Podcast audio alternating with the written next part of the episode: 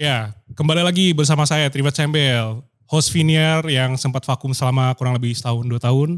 Kenapa? Karena gua nggak lucu, Maro lebih lucu, gua nggak mengundang views, Maro lebih mengundang views. Nah, kenapa gua hari ini balik lagi ke Vinier?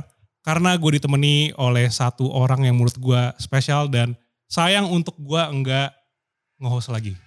Gue pengen, saking gue pengennya ngobrol sama orang ini, ya pokoknya gue turun gunung lagi dah. Namanya adalah Pak Yos Parengkuan.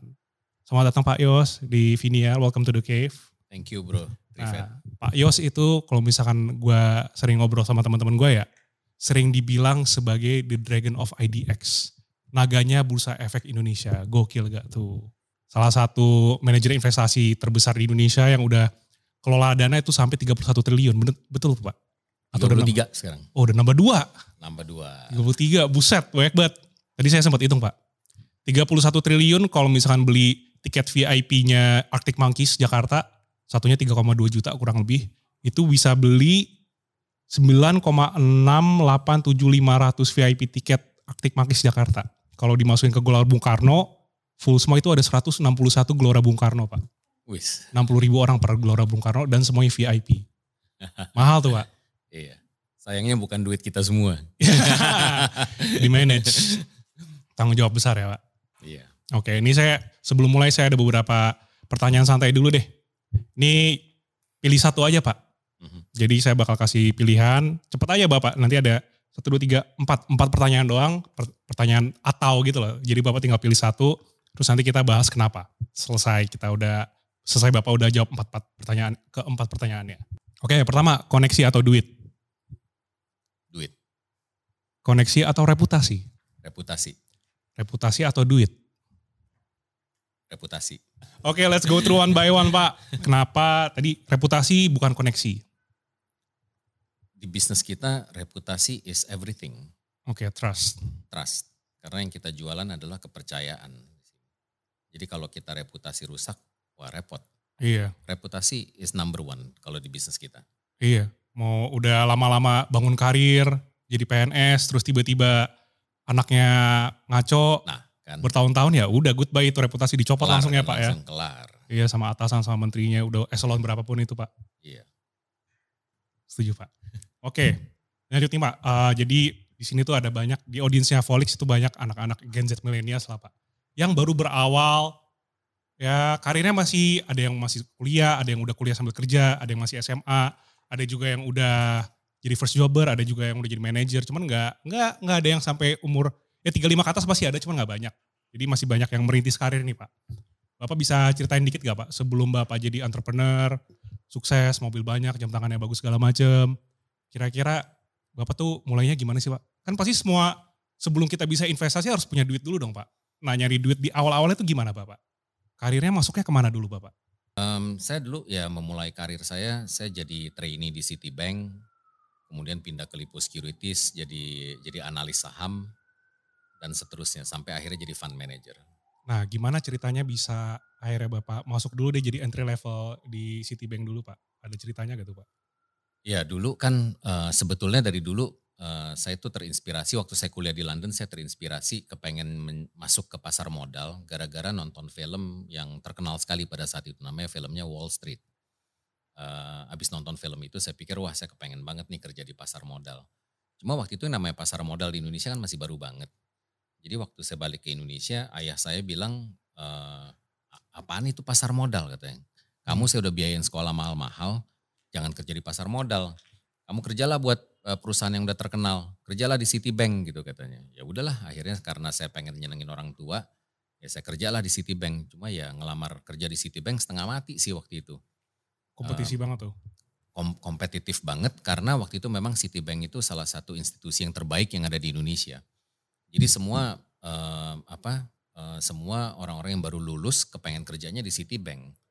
Jadi kompetisinya memang gila-gilaan untuk ngelamar di situ. Oke, eh, pernah ada struggle gak Pak pas masuk Citibank? Kan denger-dengar tadi kompetisi kompetitif banget. Sampai akhirnya bisa masuk, itu ceritanya gimana Pak? Wah itu eh, waktu itu jadi waktu saya ngelamar ke Citibank saya belum lulus. Saya masih masih harus mengerjakan disertasi. Jadi tahap akhir di eh, apa waktu bikin master degree di London. Uh, cuma karena orang tua saya udah bilang harus kerja di Citibank, jadi saya waktu itu ambil break dua minggu pulang ke Jakarta hanya untuk ngelamar kerja di Citibank. Oke. Okay. Problemnya karena banyak sekali yang mau ngelamar kerja di Citibank kan susah banget gitu untuk mendapatkan interview.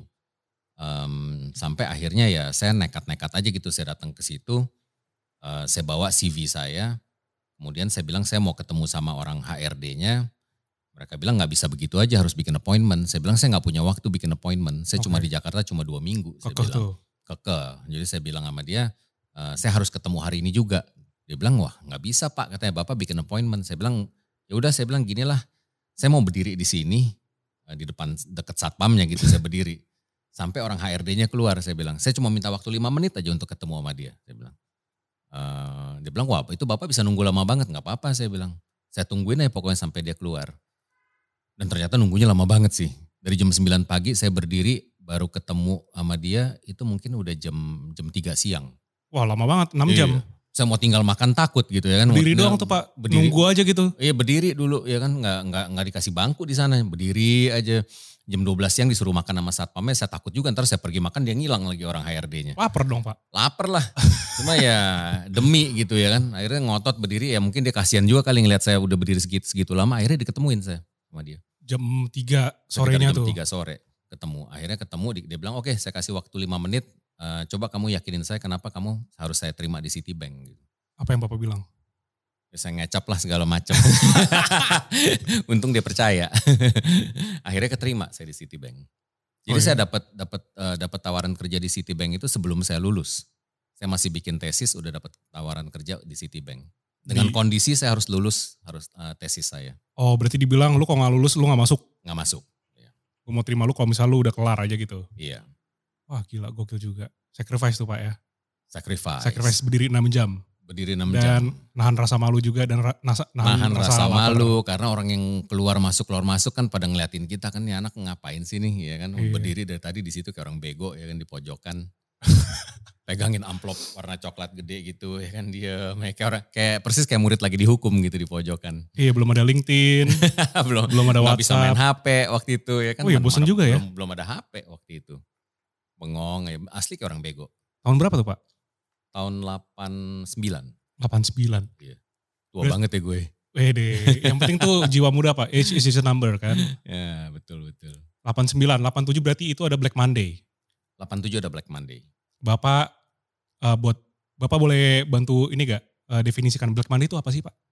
Black Monday itu jadi satu kejadian di eh, di bursa saham global seluruh dunia di mana eh, pada bulan Oktober 87 tiba-tiba hari Senin waktu marketnya buka semua saham drop jauh banget. Rata-rata dropnya bisa 30 sampai 40 persen. Oke. Padahal hari Jumatnya masih fine-fine aja gitu loh. Hari Senin tiba-tiba pagi-pagi market buka rontok semua harga saham. Kenapa tuh Pak? Karena orang-orang panik lah ngeliat perkembangan makroekonomi dan lain Hmm. sebagainya. Tiba-tiba sentimen pasar berubah. Hari Senin semua berbondong-bondong jualan saham-saham pada berjatuhan semuanya. Saya pernah dengar katanya Bapak, saya pernah baca nonton salah satu podcastnya Bapak di Spot. Jangan lupa tonton Spot di Challenger Podcast SPOD di YouTube. Eh, Bapak pernah bilang kalau misalkan apa pun yang turun pasti akan naik. Di balik semua apa tuh namanya? Ya kejatuhan pasti bakal naik lagi gitu loh, bakal ada kenaikan. Kenapa Bapak pas di 87 itu itu yang Bapak rasakan atau enggak? Dan apa yang Bapak lakukan pas di 87 tuh? Di Jadi Black Monday. waktu waktu kejadian Black Monday itu saya belum belum pernah mengenal apa yang namanya saham. Cuma menurut saya sangat interesting kalau hari Jumatnya masih fine-fine aja kok tiba-tiba hari Seninnya bisa harga saham bisa turun segitu jauh gitu loh 30-40 persen. Padahal nggak ada perubahan apa-apa gitu ya kan dari perusahaannya. Pemikiran saya adalah lah kalau dia tiba-tiba bisa turun segitu banyak pasti juga satu hari bisa naik segitu banyak dong. Ya kan? Apa-apa yang bisa turun segitu banyak tanpa alasan yang jelas bisa juga naik segitu banyak tanpa alasan yang yang jelas gitu ya kan. Nah cuma ya inilah yang yang merubah prinsip hidup saya gitu loh. Karena em, gini menurut saya dalam hidup ini kita selalu bisa melihat segala sesuatu dari dua sisi. Mau lihat dari sisi negatif atau dari sisi positifnya ya kan. Atau kalau orang bilang ya ini ada gelas ya kan. Ini gelasnya setengah penuh apa setengah isi gitu loh Oke. ya kan. Kebanyakan orang ngelihat bursa saham tiba-tiba rontok kayak begitu pasti lebih gampang ngelihat dari sisi negatifnya. Pasti dalam hati banyak yang ngomong, Nah itulah kalau main saham resikonya kayak begitu, mendingan jangan main saham gitu loh. Tapi kalau saya enggak, saya beda. Saya ngeliat dari sisi opportunity-nya. Oke. Kalau bisa turun kayak begitu, berarti satu hari juga bisa naik kayak begitu dong. Ya. Jadi dalam hidup ini kita selalu, apa pun kita selalu bisa lihat dari dua sisi. Mau lihat dari sisi negatif atau dari sisi positif ya kan. Kalau saya, saya udah biasakan diri saya dari pagi waktu saya bangun tidur. Menurut saya, life happiness is a choice. Waktu kita pagi bangun, kita bisa pilih. Do you want to be happy today or do you want to be sad? Ya kan? Kalau kita mikirin segala macam problem pasti ya sedih gitu loh. Pasti kita depresi lama-lama. Ya kan? Kalau saya pagi saya bangun saya bilang I I choose to be happy today. Jadi saya semangat gitu loh kerja. Asik. It's a choice. Happiness is a choice. Tapi Pak, eh, tadi kan kita ngomongin kalau misalnya sukses harus ada sacrifice ya Pak, pas di awal-awal. Iya. Nah, eh, gimana Bapak, Bapak pernah ada sacrifice apa? Apa sacrifice besar yang Bapak pernah rasakan untuk bisa mencapai kesuksesan kesuksesan ini? Dan menurut Bapak sacrifice ini brings happiness atau sorrow? Em, saya sacrifice tuh banyak banget loh untuk bisa jadi kayak sekarang ini. Sacrifice pertama itu saya ingat banget waktu saya lagi bikin master degree di London. Em, waktu itu saya lulus di tahun 89, em, saya salah satu murid terbaik di kampus saya. Eh, karena saya bikin tesis saya itu bagus banget, sampai dipublikasiin sama kampus tesis saya. Kemudian mereka tawarin saya, mereka bilang mau nggak eh, kita kasih beasiswa untuk ambil PhD di Oxford. Wih mahal tuh Pak. Oxford itu impian hampir semua orang kali, ya kan? Terutama ya orang-orang yang kuliah di Inggris ya kan, semuanya kepengen bisa kuliah di Oxford. Eh, dia bilang, cuma dia bilang sebelum kamu saya kirim ke Oxford, kamu harus ngajar dulu di kampus satu tahun, dibayar, digaji. Kemudian baru eh, bikin PhD dua tahun di Oxford, balik dari sana ngajar lagi setahun, baru saya boleh eh, Ke mana-mana. pulang, ya kan? Saya pikir waktu itu wah masalahnya em, bakalan hilang 4 tahun kan. Iya lama tuh Pak. Iya. Sementara saya waktu itu lagi pacaran nih sama satu cewek. Waduh. Ya, pacaran sama satu cewek ya lagi lagi cinta-cintanya lah ya kan. Cuma masalahnya nggak direstuin sama keluarganya waktu itu. Waduh.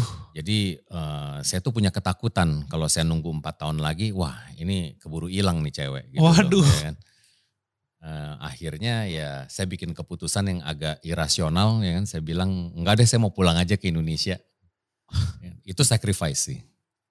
Sacrifice gede banget. Untung akhirnya jadi. Sekarang jadi istri saya. Kan. Wede. Wah, kalau enggak udah sacrifice Oxford kagak jadi keterlaluan sih. Iya udah bangkrut lah istilahnya ya.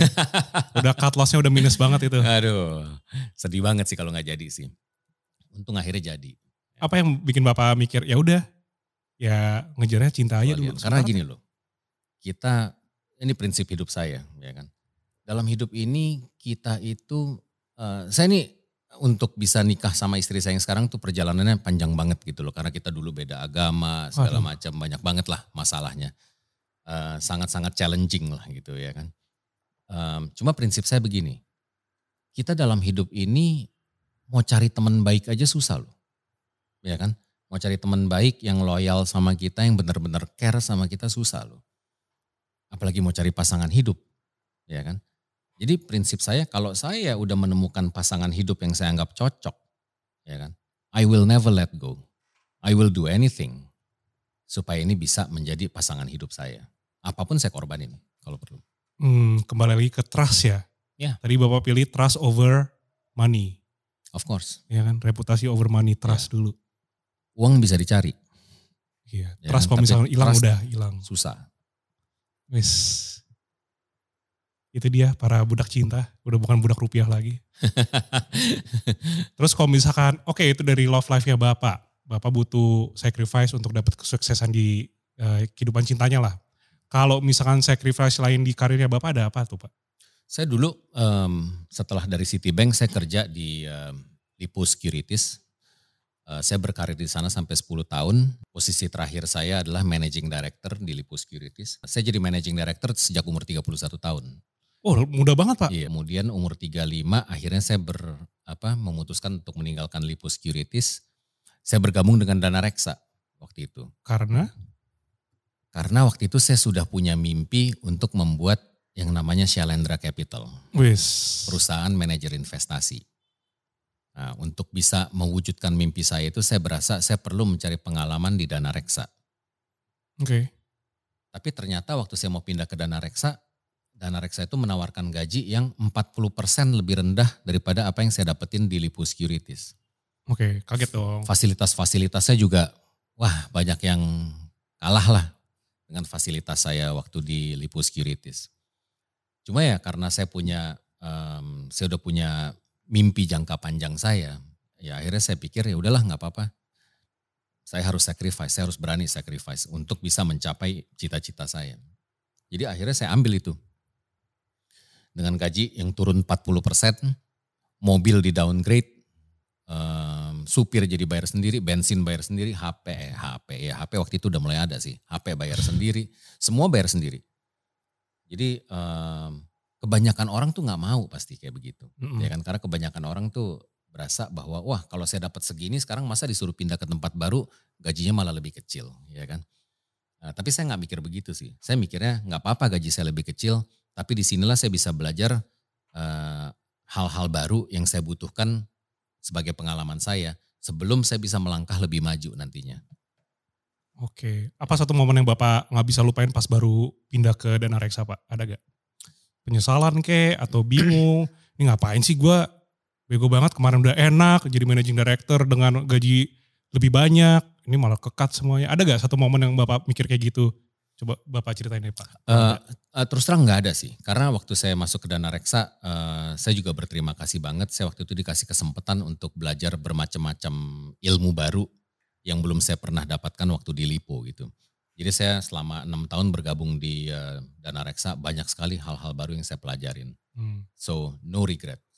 No regrets. No regrets. No regrets. Taruh tuh meme yang foto no regrets. Oke.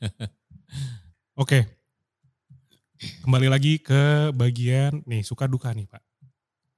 Bapak apa sih yang bikin jatuh cinta di bidang uh, investment selain itu selain tadi Bapak nonton setelah menjalani karir di dunia investasi, Bapak ada momen, oh ini yang bikin saya jatuh cinta nih. Ada gak Pak? Um, banyak sih, cuma begini, pertama-tama um, kenapa saya tuh kepengen banget masuk ke bidang investasi. Sebetulnya ada dua hal. Hal pertama begini, saya itu katakanlah saya kepengen punya perusahaan seperti uh, Apple, ya kan?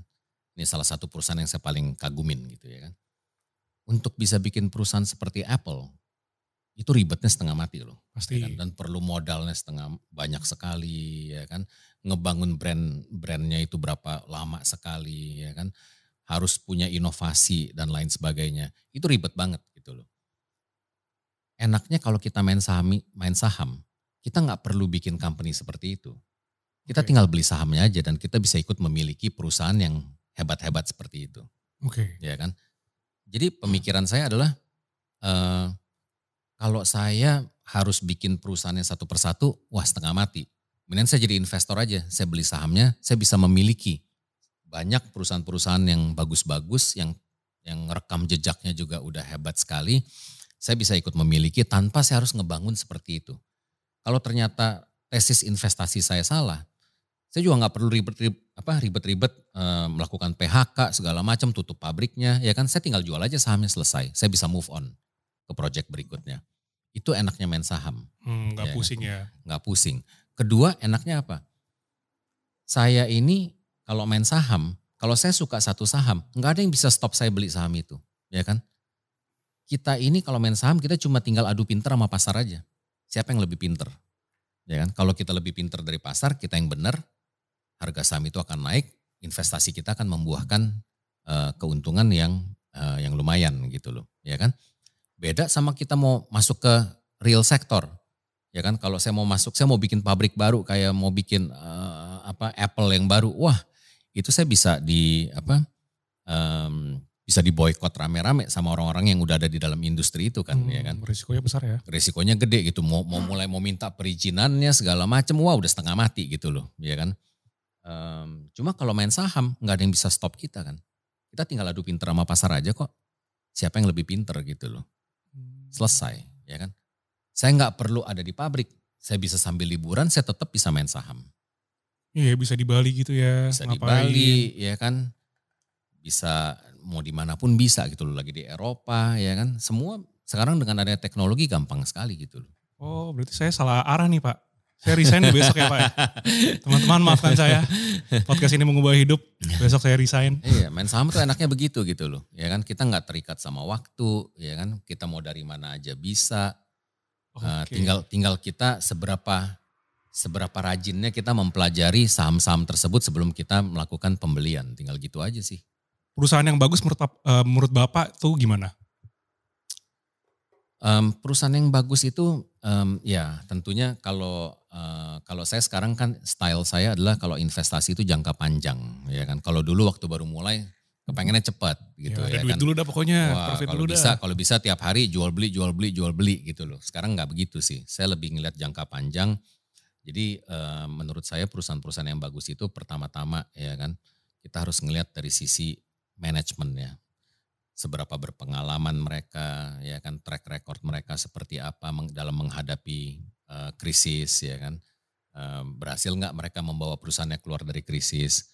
Waktu mereka mereka perhatiin nggak investor-investor kecil seperti kita? produknya seperti apa, ya kan, dividennya seperti apa. Banyak sih, banyak banget yang harus dipelajarin gitu loh. Ya kan. Tapi ya ciri-ciri perusahaan yang bagus adalah seperti itu sih, manajemennya jago, ya kan, kemudian produknya bagus, corporate governance-nya bagus, bayar dividennya bagus, ya kan. Itu perusahaan-perusahaan yang bagus kayak begitu. Keuntungan Bapak terbesar berapa Pak? Wah. bahaya nih, bahaya.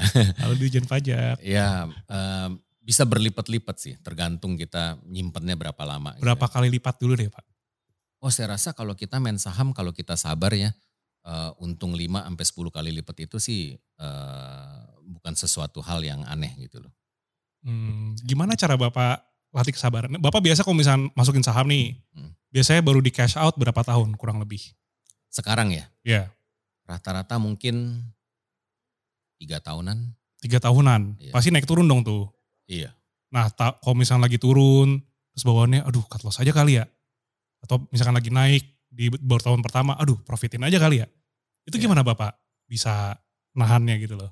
Kita mesti punya keyakinan. Waktu waktu misalnya harga sahamnya lagi turun, kita harus yakin dengan apa yang kita sudah pelajarin bahwa harga segini ini tidak merefleksikan the true value of the company. Oke. pasarnya nih salah, pasarnya lagi emosi aja gitu loh. Kalau kita bisa berpikir dengan tenang secara fundamental, kita tahu persis perusahaan ini harusnya nilainya jauh lebih tinggi dari harga yang ada di pasar sekarang, baru kita bisa tenang. Kalau kita nggak ngerti, waktu harga sahamnya turun kita pasti sakit perut gitu loh ngelihatnya. Ya kan bawaannya udah pengen kabur aja gitu loh. Begitu juga waktu harga sahamnya naik, pasti tempting banget gitu loh untuk jual take profit, ya Iya, kan? duit nih langsung Tapi nih. misalnya harga kita beli di 1000, kita tahu harga sahamnya harusnya 3000 gitu loh. Dari 1000 baru naik 1500 masih ada 100% lagi kan. Padahal udah untung 50% gitu loh. Mm-mm. Again, kita harus ngerti gitu loh. Di 1500 memang tempting, tapi the true value of the company harusnya 3000 bukan 1500. Taunya dari mana Pak? Di situlah kita baru bisa menahan diri untuk tidak melakukan take profit. Nah, taunya dari mana Pak? Itu bakal 3000 gitu. Belajar, baca laporan keuangannya, Kayak hard work. Iya, ketemu dengan manajemennya, baca berita yang ada semua, ikutin perkembangan company-nya seperti apa. Hmm. Mau nggak mau, nggak ada jalan lain sih. Saya lihat di company profile-nya Shalendra, itu dari 2016 sampai sekarang, total dana kelolaannya naik jadi 5, sekian kali lipat. Kalau sekarang berarti udah 33 triliun tuh Pak ya. Nah itu gimana caranya Pak? Kok bisa? Ya saya ingat banget eh, waktu itu, eh, karena itulah angka yang kita punya 6 triliun itu sebelum saya pergi naik haji di bulan September eh, 2017. Hafal banget tuh Pak. Iya, karena saya ingat begitu pulang naik haji tiba-tiba eh, apa angka itu naik cukup luar biasa gitu. Kurang lebih berapa tuh Pak? Kalau saya nggak salah ingat waktu itu dari dari 6 triliun mendadak jadi mendekati 9 triliun begitu pulang naik guys, haji. Naik haji Ya kan? guys. Jadi ya percaya nggak percaya gitu loh ya kan begitu naik haji. Wah saya, saya ingat saya sempat bilang ke tim saya, kalau saya tahu begini ya kan setiap tahun saya naik haji nih. Itu salah satu kuncinya ya. tuh. Kuncinya adalah naik Cepet haji. ternyata habis pulang haji langsung ngebut ya kan. Oke Pak, saya besok pindah agama. Oke. Tapi yang pasti kan nggak segampang itu dong Pak. Untuk bisa naik tiga kali, eh, sorry lima kali, Ya. lima setengah kali lipat kalau sekarang. Iya, jadi eh, banyak sekali reformasi yang kita lakukan. Em, di tahun 2016 eh, Shalendra Capital itu kita eh, merekrut tim manajemen yang baru. Eh, karena kita merasa memang eh, kita mau loncat nih ke depan nih ya kan dan kita tahu industrinya akan sudah sangat mendukung, sudah kondusif gitu loh.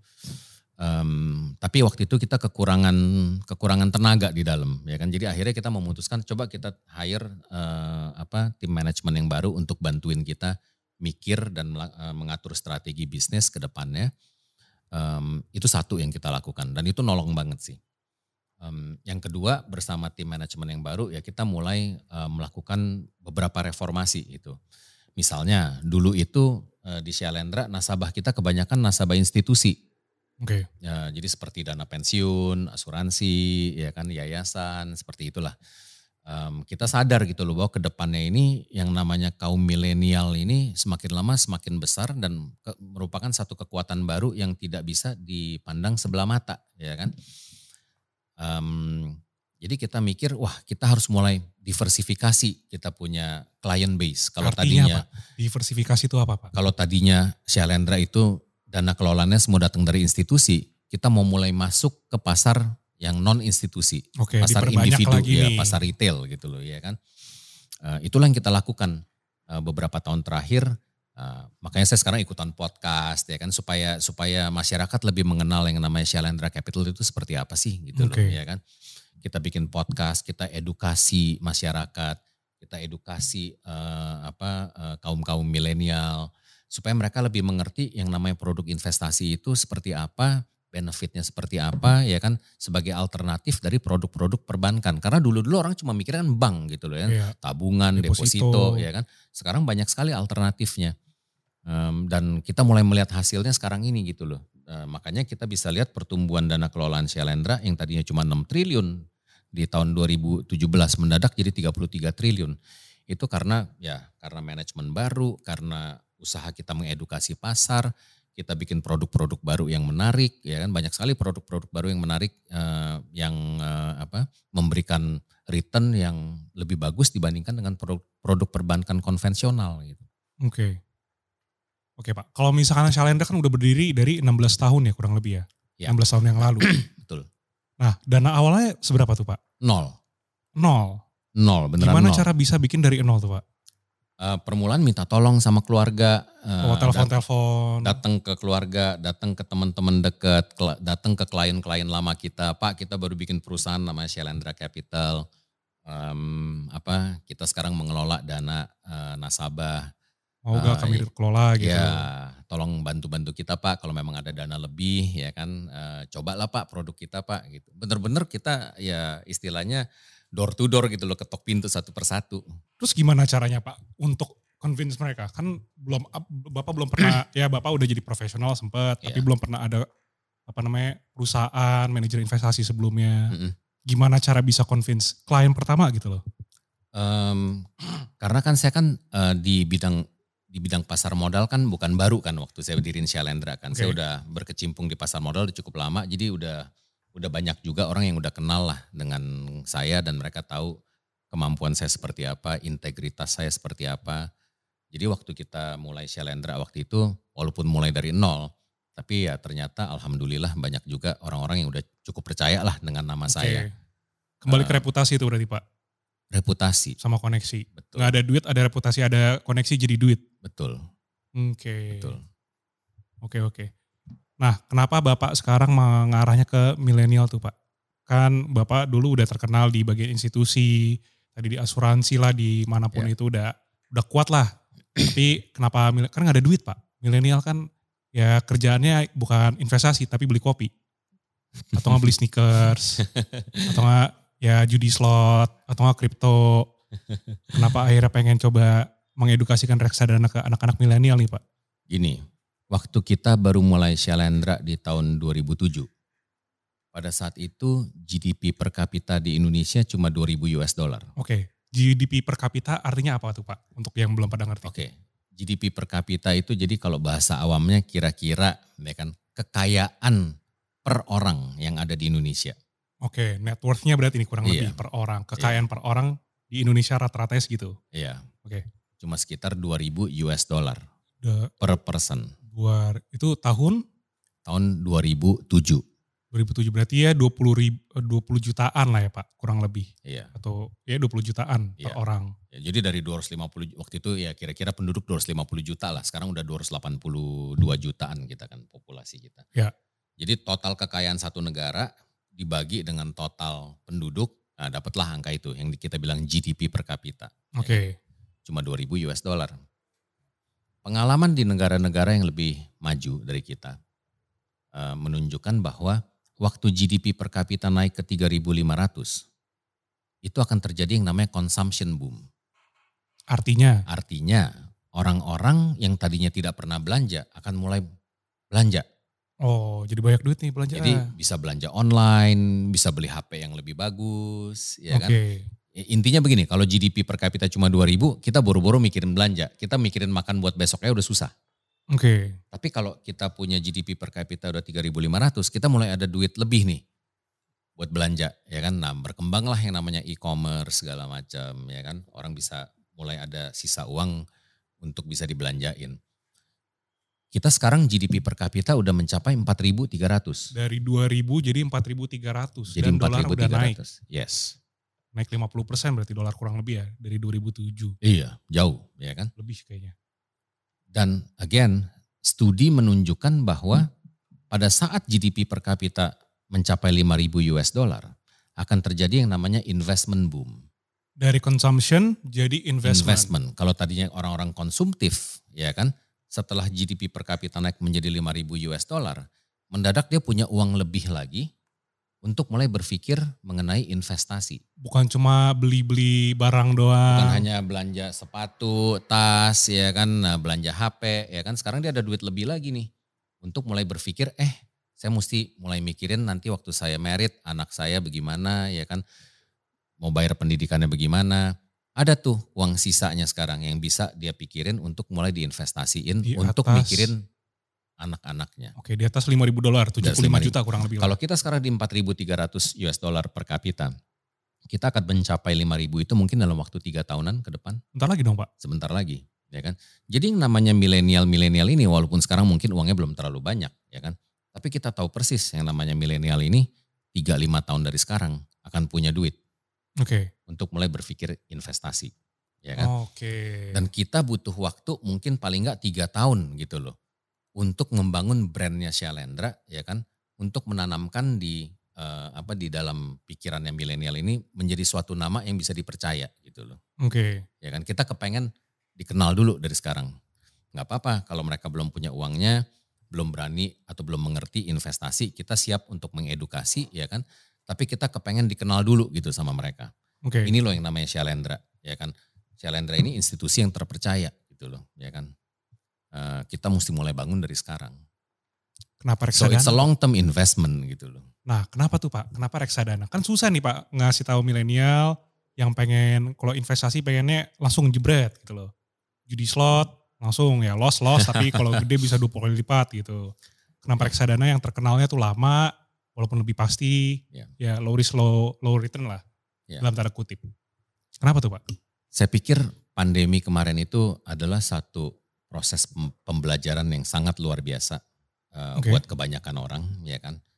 Uh, kenapa begitu? Karena gini, orang yang tadinya belum pernah berinvestasi, apakah itu di reksadana, apakah di kripto, di NFT, akhirnya jadi nyoba kan? Oh iya salah sa- saya salah satunya tapi Ya boncos kan Pak. gara-gara pandemi kan? Iya Kalau kalau nggak ada pandemi mungkin nggak pernah kepikir loh. Yo ini Dogecoin dasar Elon Musk. ya kan akhirnya orang jadi mikir buat nyoba ah berinvestasi karena nggak tahu lah kerjaan lagi kurang sibuk ya kan segala macam akhirnya mencoba yang lain kan investasi salah satu eh, eh, hal baru yang mereka coba gitu ya Hmm. so itu pembelajaran pertama Pe- pembelajaran kedua adalah apa orang-orang yang tadinya main robot trading, kripto segala macam yang yang permulaannya sukses tapi akhirnya tiba-tiba hilang. Banyak loh yang yang akhirnya hilang duitnya ya kan. banyak yang bodong, penipuan. Banyak yang bodong lah ya kan atau dia karena dia nggak ngerti cuma ikut-ikutan masuknya di harga tinggi sekarang tiba-tiba harganya turun jauh Waduh, ya saya kan. salah satunya Pak. sedih, sedih. Ini pembelajaran kedua ya kan. Nah, ujung-ujungnya adalah eh, sebetulnya yang kita mau eh, edukasi masyarakat di sini adalah gini loh. Yang namanya investasi itu selalu ada resiko. Tinggal kita harus pilih kita mau resiko yang tinggi apa resiko yang rendah, ya kan? Kalau kita mau resikonya rendah, ya jangan mengharapkan return yang sangat tinggi, Ya, ya kan? Kalau kita mau mengharapkan return yang tinggi, ya berarti kita harus siap mental, beranilah ngambil risiko yang juga besar gitu, Oke. ya kan? It's all about risk ujung-ujungnya, ya kan? Hmm, Kripto itu bisa memberikan return yang segitu tinggi karena resikonya juga tinggi sekali. ya boncos-boncos. Boncos ya boncos gitu loh. Tinggal ya kuat-kuatan kan? mental aja dulu. Betul, ya kan reksadana memang tidak memberikan return seperti kripto, ya kan? Tapi resikonya juga jauh lebih manageable, ya kan? Jauh lebih rendah. Tidur juga bisa relatif tenang lah gitu ya kan.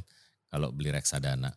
Jadi ya ujung-ujungnya tinggal tinggal eh, kita pinter-pinter milih resiko yang kita mau itu seperti apa gitu loh, ya kan? Oke. Kalau kita tidak siap dengan risiko tinggi, ya udahlah, jangan main yang jangan main kripto, jangan main yang kayak gitu-gitulah gitu Jangan ya kan. muluk-muluk dulu lah. Iya. Jangan sotoy. Betul.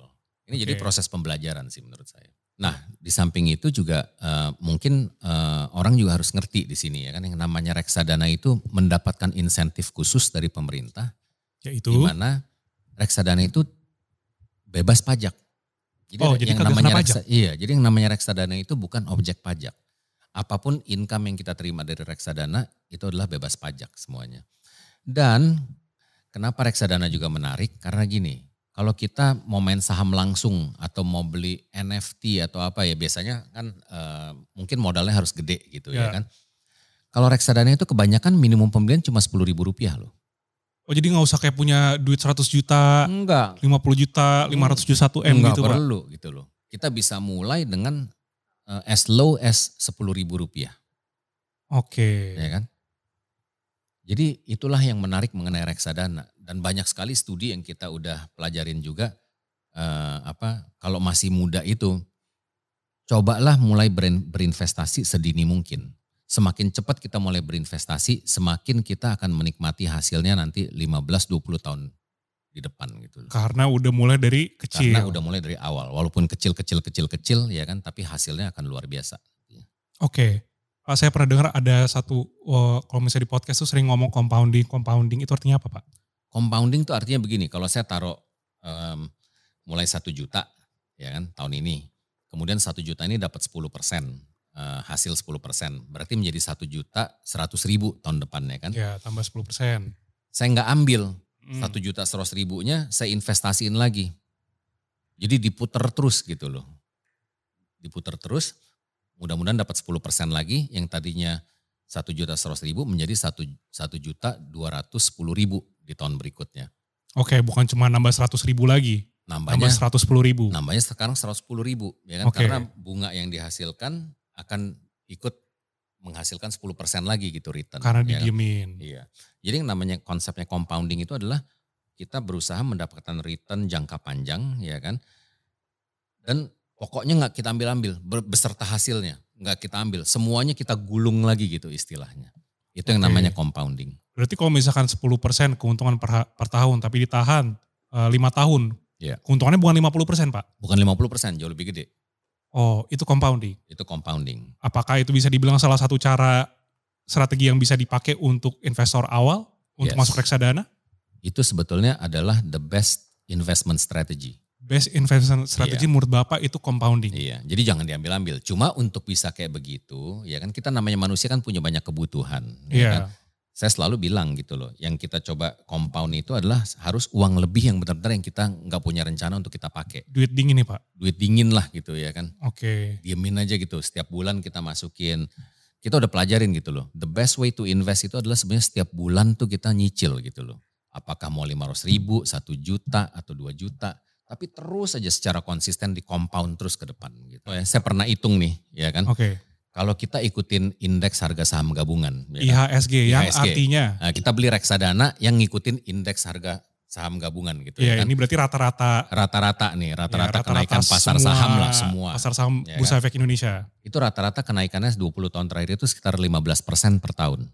Oke. Kalau kita compound nih, ya kan. Kalau misalnya saya taruh 5 juta sebulan nih, dari gaji saya saya sisihin 5 juta sebulan. Selama 20 tahun terakhir. Ya kan berarti kalau 5 juta sebulan kan 60 juta setahun. Ya, Ya kan selama 20 tahun terakhir, tahu nggak jadi berapa? berapa Pak? 7,6 miliar.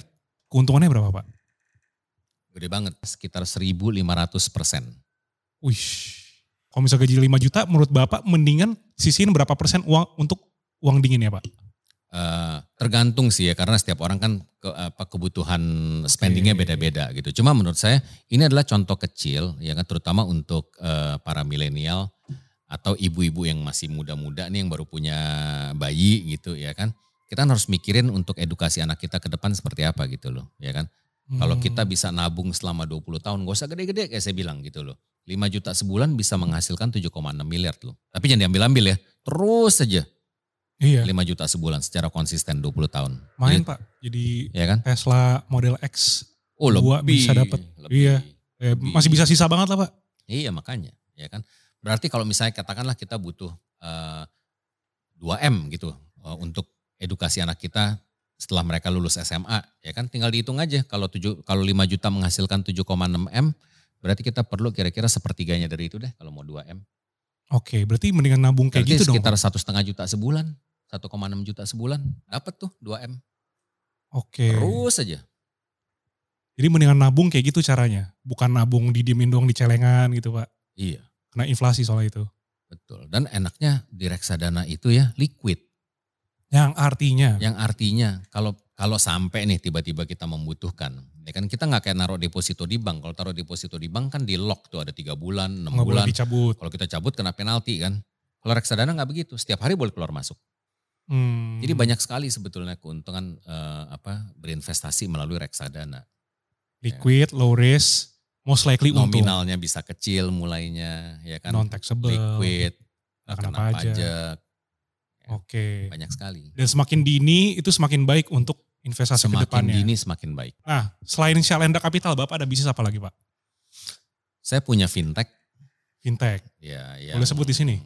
Boleh, namanya saya sal- salah satu co-founder dari Bareksa. Bareksa. Ini adalah fintech yang merupakan platform untuk orang berinvestasi di reksadana. Eh, jadi masih ya masih sekitar pasar modal. Tetap pasar modal. Iya, sama ya secara pribadi saya mulai saya banyak investasi di F&B, food and F&B. beverage, Makanan-makanan, restoran-restoran, restoran, kafe. Kenapa Eh, F&B, Pak? Karena saya suka makan. Biar gratis makannya gitu, Pak. Jadi paling enggak kalau nggak ada yang makan di situ, saya lah yang makan di situ. Oh, iya, bisa diskonin diri sendiri lagi. Iya, tapi F&B menarik sih menurut saya. Hmm. Kalau misalkan investasi lain selain saham, Bapak masuk ke art gitu gak Pak? Kayak misalkan seni Iya. atau apa? Saya beli lukisan, saya punya, saya beli jam tangan. eh, itu adalah ya Di luar saham atau di luar bisnis, lukisan atau jam tangan gitu, mana return paling besar yang pernah Bapak dapetin? Profit paling besar ya top naik. saham sih, Tetap saham. tetap saham, tetap saham. Hmm. Tapi juga ya ini mungkin karena saya paling ngerti di saham ya paling banyak investasi saya di saham ya kan. Oke. Tapi saya juga eh, ada ketemu orang-orang yang memang spesialisasinya investasi di jam tangan. Itu juga eh, returnnya juga luar biasa gitu kalau kita ngerti ya. Hmm. Jadi yang penting coba fokus satu tempat dulu gitu Pak. Fokus di satu tempat yang kita benar-benar mengerti ya kan. Eh, coba jadi expert di bidang itu gitu loh. Hmm. Bapak tadi dibilang eh, di awal-awal orang tuanya Bapak tuh nggak bilang apaan sih pasar modal gitu. Iya. Berarti orang tuanya Bapak itu gimana? Kan di sini milenial pasti banyak nih. Misalkan ada mereka mau masuk ke industri kreatif, dibilang ngapain sih kamu jadi penyanyi gitu loh. Hmm. Atau dia mau jadi filmmaker, ngapain sih kamu jadi filmmaker? Bapak Iya. sendiri kan kurang lebih kayak gitu, tapi bedanya ya Bapak bap- eh, bapaknya Bap- Bapak Yos nggak tahu apa itu pasar modal. Gimana cara ngeyakinin orang tua Pak? Gini, saya akhirnya saya bilang ke dia, ya kan gini, kita waktu itu kan kita kepengen nyenengin orang tua, kan dia suruh saya masuk Citibank, saya masuk juga ke Citibank Pasti. akhirnya kan. Nggak nyampe setahun, tapi ternyata memang kita nggak suka gitu kerjaannya kan. Oke. Karena passion kita bukan di situ, ya kan. Akhirnya saya bilang ke orang tua saya, saya bilang saya udah coba loh, ya kan. Saya udah ikutin kemauan papi seperti apa, tapi ternyata memang bukan inilah bidang yang saya mau. Saya ngomong sama dia, passion saya bukan di sini. Dan menurut saya eh, apa kita itu kalau mau sukses, kita harus ngikutin passion kita. Passion itu adalah satu komponen yang sangat-sangat penting dalam meraih sukses. Kalau kita nggak punya passion di bidang itu, susah pasti untuk bisa sukses. Oke. Ya kan. Akhirnya saya jelasin begitu ke orang tua saya. Ini bukan bukan passion saya bukan ini saya bilang. Saya itu punya cita-cita adalah masuk ke pasar modal dan sukses di pasar modal. Ya misalnya gini loh, saya kasih contoh aja. Saya masuk Citibank ya kan. Hari pertama saya masuk ke Citibank, waktu lunch break, saya pergi ke uh, perusahaan sekuritas untuk buka account di perusahaan sekuritas untuk mulai main saham. Itu di hari lunch pertama saya masuk di Citibank. Okay. Ya kan? Segitu passionate-nya saya sama saham. Oke. Okay. Nah kalau misalkan pas Bapak ngomong kayak gitu, saya maunya ikutin passion. Responnya Bapak, uh, Bapaknya Pak Yos gimana? Apaan sih passion atau gimana tuh Pak? Ya dia kan memang sangat old fashion lah ya dulu ya kan um, ya dia dia nggak suka sih gitu loh waktu saya mutusin pindah dari Citibank. Dia bilang kamu tuh gimana sih? Semua orang mau masuk Citibank kamu udah di dalam malah kamu mau pindah keluar gitu ya kan. Ya saya jelasin mengenai passion segala macam. Tetap nggak keterima sih sama dia. Tetap nggak keterima ya. Cuma ujung-ujungnya ya kita harus bikin keputusan sendiri lah ya kan kan kita udah gede ya kan okay. kita harus berani ngambil keputusan dong ya kan ini kan untuk untuk masa depan kita Okay. Belum tentu kita benar ya kan. Orang tua selalu kepengen yang terbaik buat anaknya. Tapi tidak berarti orang tua selalu benar. Oke. Okay. Ya kan. Bapak sekarang udah jadi bapak juga tuh. Saya sekarang udah jadi bapak.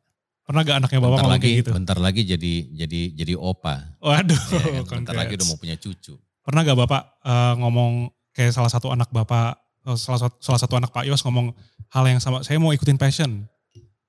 Iya. Sementara Pak Yosnya kurang setuju. Iya. Pernah? Pernah. Respon ya. Pak Yos gimana? Wah, anak sekarang itu lebih susah lagi kita atur dibandingin dibandingin zaman saya kan. Kalau saya ngebandingin sama zaman saya ya kan, kita masih ada sungkan-sungkannya sama orang sama orang tua kita. Kalau anak sekarang, wah boro-boro, gaspol banget, gaspol dia, ya kan. Uh, susah di susah di ngomongin gitu loh. Dia mau mau punya mau sendiri lah gitu. Okay. Tapi menurut saya ya uh, karena karena saya juga uh, sangat percaya bahwa orang itu hanya bisa sukses kalau dia punya passionnya di bidang itu. Saya juga nggak terlalu ngelarang mereka harus begini harus begitu ya kan? Saya ngelihat juga gitu loh passion mereka tuh ada di mana gitu loh. Oke. Okay. dan saya akan coba support sejauh mungkin. Bisa kaya gak sih pak dari kalau nggak investasi? Of course. Bisa? Iya main golf aja bisa kaya. Oh iya benar. Ya kan? Jago golf bisa kaya sekarang jago main game aja bisa kaya juga oke berarti bukan ya kan? bukan jalan utama setiap orang punya jalan beda-beda. Orang bilang banyak jalan menuju Roma. Ya kan? Bede. Salah satunya kalau misalnya dari Pak Yos itu investasi. Investasi kalau buat saya. Ya nomor ya satu. Kan? Tapi kan kayak orang lain, buat orang lain banyak yang punya jalan lain untuk jadi kaya juga. Nggak harus melalui investasi juga kan. Oke. Nah Pak, kenapa sih Bapak kan secara finansial, kalau misalnya saya dengar-dengar udah jadi managing director di umur 31, udah jadi, ya pokoknya udah udah bagus lah karirnya segala macam Kenapa ngambil resiko besar untuk bikin bisnis? Untuk bikin si Syaranda Kapital. Kenapa tuh Pak? Nah ini pertanyaan menarik nih. Karena jujur kalau saya cuma mikirin duitnya, uh, mungkin kalau saya nggak bikin Shalendra Capital, saya trading sendiri aja, trading buat diri sendiri ya aja. kan bisa tuh Pak. Ya kan kan bisa, gampang kan. Lebih ya low kan? risk, Tinggal lebih punya aman. ruangan kecil, taruh screen ya kan, uh, baca-baca annual report segala macem. Ya cuma kenapa saya bikin Shalendra? Karena saya ini punya satu cita-cita dan saya punya satu aspirasi. Apa tuh Pak? Gini, waktu kita mulai Shalendra, uh, industri kita itu sangat didominasi oleh beberapa uh, perusahaan manajer investasi dari luar negeri. Saya waktu itu bikin Shalendra karena saya pengen membuktikan bahwa kita, uh, Shalendra ini, tanpa backingan dari nama asing, tanpa backingan dari konglomerat mana pun, kita tidak terafiliasi dengan bank, asuransi, kita pure profesional. Ya kan? Pendirinya Shalendra itu cuma profesional dari pasar modal aja. Oke. Nggak ada yang hebat-hebat banget. Kagak ada yang top ya kan? 10, top 5. Nggak ada gitu loh. Riches ya kan? Indonesia gitu. Cuma kita kepengen buktiin bahwa kalau kita punya semangat yang luar biasa, kita punya visi yang benar, kita bisa kerja secara profesional, ya kan? Kita bisa memiliki integritas dalam menjalankan bisnis kita, dan nothing is impossible. Oke. Okay. Kita bisa bersaing dengan yang asing-asing, ya kan? Dan kita udah buktikan itu. Kenapa jadi ini penting? Karena saya kepengen nunjukin ke teman-teman semua, ke generasi yang lebih muda, ya kan? Kalian itu jangan cepat patah semangat. Jangan cepat, orang bilang jangan cepat kalah set gitu loh. Ngeliat, wah ini udah gede begini, ada lawan-lawan kita udah gede-gede gini. Bisa nggak ya kita uh, bersaing dengan mereka? Okay. Bisa jawabannya. Ya kan, selama kita punya visi yang benar, kita punya kita berani kerja keras, kita kerja secara profesional, kita kerja dengan integritas. Integrity. Ya kan? Jangan nipu aja. Yes, kita harus bisa berpikir jangka panjang. Jangan kita tergoda dengan bisnis jangka pendek, ya kan? Memang bisa ngasih cuan, ya kan? Tapi itu akan merusak kita punya reputasi. Hmm. Kalau kita bisa menerapkan values, nilai-nilai seperti itu, ya insya Allah kita bisa sukses. Tuh gitu. Indra Kents, Duni Salmana nonton podcast ini. Jangan ngambil yang suksesnya pelan-pelan doang, short term iya. sukses tapi ujung-ujungnya penjara tuh. Kita udah buktiin ya kan Shalendra Capital 16 tahun yang lalu mulai dari nol ya kan kita ketok pintu satu persatu teman-teman baik kita keluarga kita ya kan iya kagak ada WhatsApp ya waktu itu apa ya nggak ada WhatsApp eh, ada sih eh belum masih pakai BBM dulu eh, BBM BBM ya kan mulai dari nol sekarang kita dana kelolaan 33 triliun loh satu persatu kompetitor kita yang tadinya kita pikir nggak bakalan bisa bersaing, eh ternyata bisa kita. Hmm. Ya kan? Jadi itu yang kita pengen tunjukin ke teman-teman dan generasi yang lebih muda. Kalian harus punya mimpi yang besar, berani kerja keras, kerjalah dengan integritas, ya kan? Um, kita utamakan customer kita, um, kerja dengan profesional, kamu pasti bisa juga.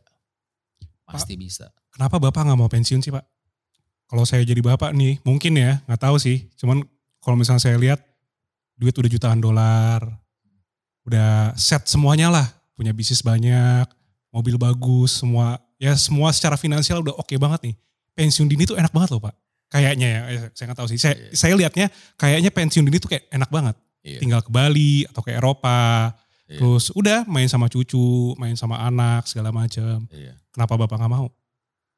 Saya pernah nyoba loh Pernah nyoba? Pernah nyoba, ya kan. E, liburan panjang, habis dua minggu nggak betah, ya kan. Terus coba hmm, nggak hmm, mau ke kantor ah gitu ya kan. Main golf lah, apalah segala macem. Nggak betah juga ternyata. Ya. Kan. Kenapa Karena betah, Pak? Seorang yang nggak bisa diem. Dan terus terang saya enjoy sekali datang ke kantor. Kenapa? Karena saya berasa kalau saya ngantor itu saya ketemu dengan teman-teman saya. Saya ketemu, saya berasa saya ketemu dengan keluarga saya di situ. I'm having fun in the office. Oke. Okay. So um, I I I love my job. I love my my uh, apa uh, my office. Saya saya happy sekali dikelilingi sama teman-teman di kantor. Itu okay. yang membuat saya itu yang membuat saya hidup gitu loh. Ya kan? Jadi ya saya berasa kalau ke kantor itu bukan kerja gitu loh. Saya berasa ke kantor itu saya having fun, having fun sebetulnya sambil nyari duit. Oke, okay. nice. Itu yang bikin saya betah sih. Nah Pak, saya dengar-dengar Shalendra Capital tuh bikin aplikasi sendiri ya untuk jual reksadananya. Namanya Yo Invest. Ya. Nah, saya bingung Pak, kenapa kan si uh, produk reksadana si Shalendra itu dijual di mana-mana di Bareksa di bank. Istilahnya tuh udah udah gampang nih, udah di udah ada distributornya nih.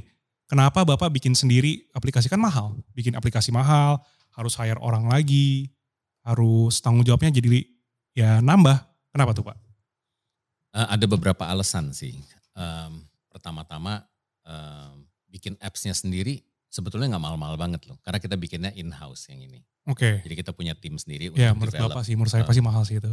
Untuk develop apps-nya, um, ongkosnya boleh dibilang nggak nggak mahal-mahal banget lah. Itu satu. Oke. Okay. Um, kedua, uh, kita kita mengembangkan apps kita ini sendiri juga untuk membantu nasabah-nasabah Shalendra. Pertama-tama memberikan convenience ke mereka, ya kan. Jadi kalau kalau misalnya Anda nasabahnya Shalendra, Anda uh, bisa lihat langsung di apps kita persisnya pergerakan NAB dari setiap fund yang mereka invest itu seperti apa. Okay. Itu jelas sekali di situ. Uh, di samping itu juga begini, kalau kita jualan lewat fintech misalnya atau lewat uh, apa, lewat uh, sekurit, perusahaan sekuritas atau lewat bank ya kan, yang mereka jual itu kan bukan cuma produknya Shalendra, mereka itu kan kayak supermarket gitu, ya, ya kan. Jadi kalau ada orang yang yang mau nanya ke mereka mengenai produknya Shalendra, belum tentu mereka benar-benar mengerti gitu loh, jelasinnya seperti apa gitu ya kan. Uh, kalau pertanyaannya pertanyaannya cukup detail. Kalau mereka ke Shalendra langsung, Tentunya karena kita yang keluarin produknya kita pasti ngerti jawabannya apa. Ya kan? Jadi kalau mereka e, berinvestasi melalui Yo Invest, bedanya adalah mereka mendapatkan service yang agak berbeda. E, mereka bisa dapat penjelasan yang jauh lebih detail, ya kan? Um, dan di samping itu juga kita mengembangkan satu fitur yang namanya goal based uh, investment. Gitu. Goal based investment. Uh, jadi yang apa namanya goal based itu kita punya goalnya apa? Kita mau misalnya mau liburan, kita butuh dana berapa gitu, mau liburannya kapan, ya kan? Nah itu kita punya uh, kayak semacam robo advisor di situ, ya Bukan kan? robot trading kan pak? Bukan robot trading nih, ini robo advisor yang bisa yang bisa memberikan advice kepada uh, investornya berdasarkan profil resiko mereka, ya kan? Kira-kira produk apa yang paling cocok uh, untuk mereka investasi untuk bisa mencapai goalnya tadi gitu loh untuk mau liburan kah apa mereka mau umroh mau naik haji mau ngapain ya kan atau buat dana pendidikan anaknya gitu loh. Oh daripada bayar financial advisor mahal-mahal nah, mendingan langsung aja gitu iya, di situ udah ada itu secara udah ada hitungan gratis. sendiri gratis mereka udah serat ini aja nih iya. cocok untuk lu kalau misalkan mau iya. liburan berapa tahun nah, lagi gitu. dan kita analisa dulu loh profil risiko mereka seperti apa jadi juga kita nggak sembarangan ngasih ngasih rekomendasi beli produk ini padahal produknya risikonya terlalu tinggi buat dia misalnya. Oh itu berarti benar-benar dipas-pasin kalau misalnya kita tipe oh, ya, orang. Kita analisa dia tuh tipe, tipe dia punya penghasilan berapa, umurnya udah berapa ya kan. Oh dicari paling pas berarti Dicari yang paling pas kira-kira dari profil risiko itu produk yang mana yang paling cocok. Kerjaannya financial consultant dong Pak itu Pak? Hampir kayak begitu ya. Jadi ya, kita coba bikin appsnya gitu seru lah. Uh, apa tampilannya juga menarik ya kan. Dan gratis Oke, iya. Gak perlu bayar apa-apa. Bayar kelasnya si siapa namanya? Indra Ken saja bayar pak. Nah makanya kalau ini gratis. Yoi. Hati-hati Binomo. Yo Invest. Yo Invest, bukan Binomo. Oke Pak, mari kita wrap up. Satu advice untuk anak-anak muda. Hmm. Apa nih Pak Yos? You have to have a big dream. Big dream, mimpi besar. Kenapa tuh Pak? Karena kita ini kalau mau sukses, kita harus punya mimpi besar dan kita harus berani sacrifice untuk mencapai mimpi tersebut. Sacrifice. Sacrifice. Harus punya mimpi besar, harus berani sacrifice, harus mau kerja keras. Kalau nggak ada, ada sacrifice, ya, nggak ada, ada rumus yang lain gitu loh. Cuma itu aja gitu loh. Focus on what you are good at. Oke, okay, oke. Ya, kalau kita nggak terlalu ngerti, udahlah jangan ikut-ikutan gitu loh. Iya, ya kan? jangan FOMO. Jangan FOMO. Iya, jangan masuk kripto kalau misalnya nggak ngerti guys. Kalau nggak ngerti udahlah. Iya, oke. Okay. Mantap. Thank you Pak Yos.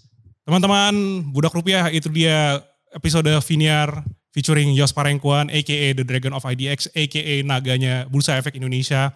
Teman-teman jangan lupa untuk like, comment, subscribe. Kenapa? Karena kami juga pengen seperti Pak Yos, kaya raya. Mantap. Teman-teman semua terima kasih banyak udah nonton acara kita hari ini. Jangan lupa nonton terus, komen, like, dan subscribe. Dan tunggu episode selanjutnya dari Viniar.